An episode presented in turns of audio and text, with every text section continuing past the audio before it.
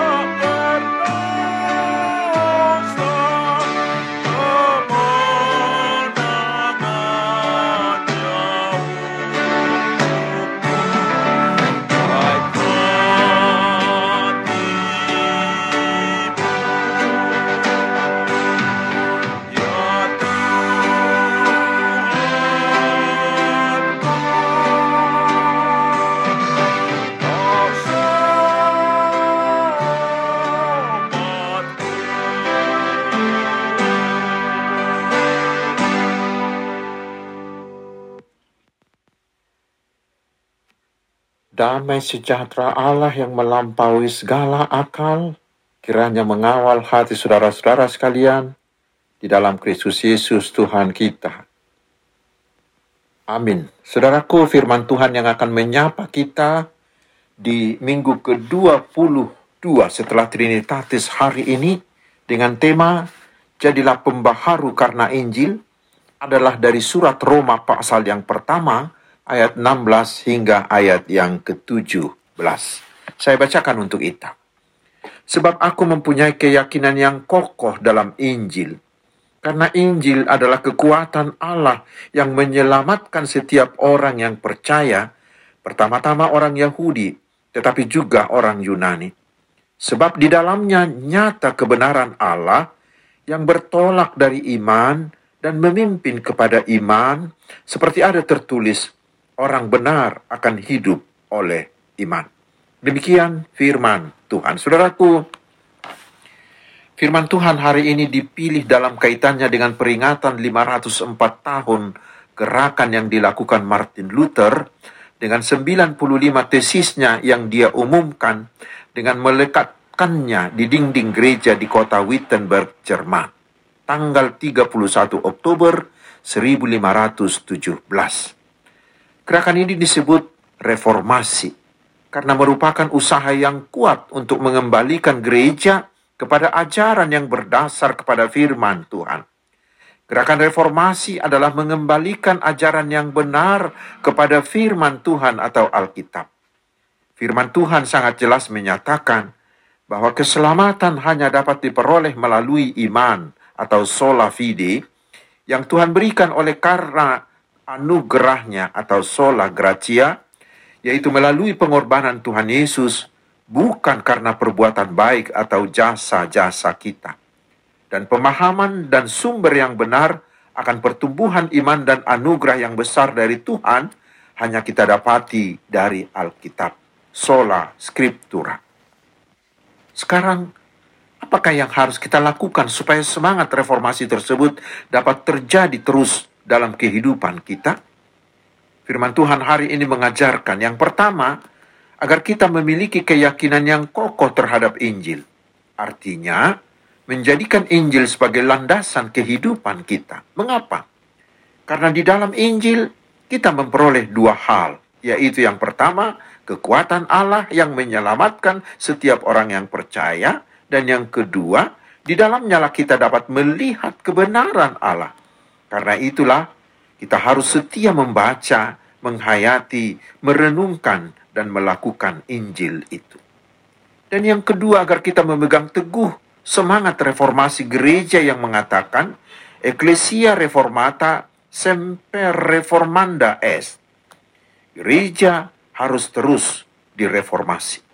Gereja harus selalu aktif memperbaharui tatanan dan corak kehidupan beragama, bermasyarakat, dan berbangsa, sekaligus memperbaharui dirinya sendiri agar selalu siap melakukan tri tugas panggilan gereja, yaitu bersekutu, yaitu beroikumene dan berkoinonia, juga melakukan pemberitaan Injil dan evangelisasi atau bermarturia, dan melakukan pelayanan kasih terhadap orang-orang yang membutuhkan atau berdiakonia.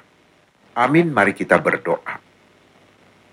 Ya Tuhan, kuatkanlah kami menjadi orang yang membawa pembaharuan di segala bidang kehidupan kami. Tuhan memberkati engkau dan melindungi engkau.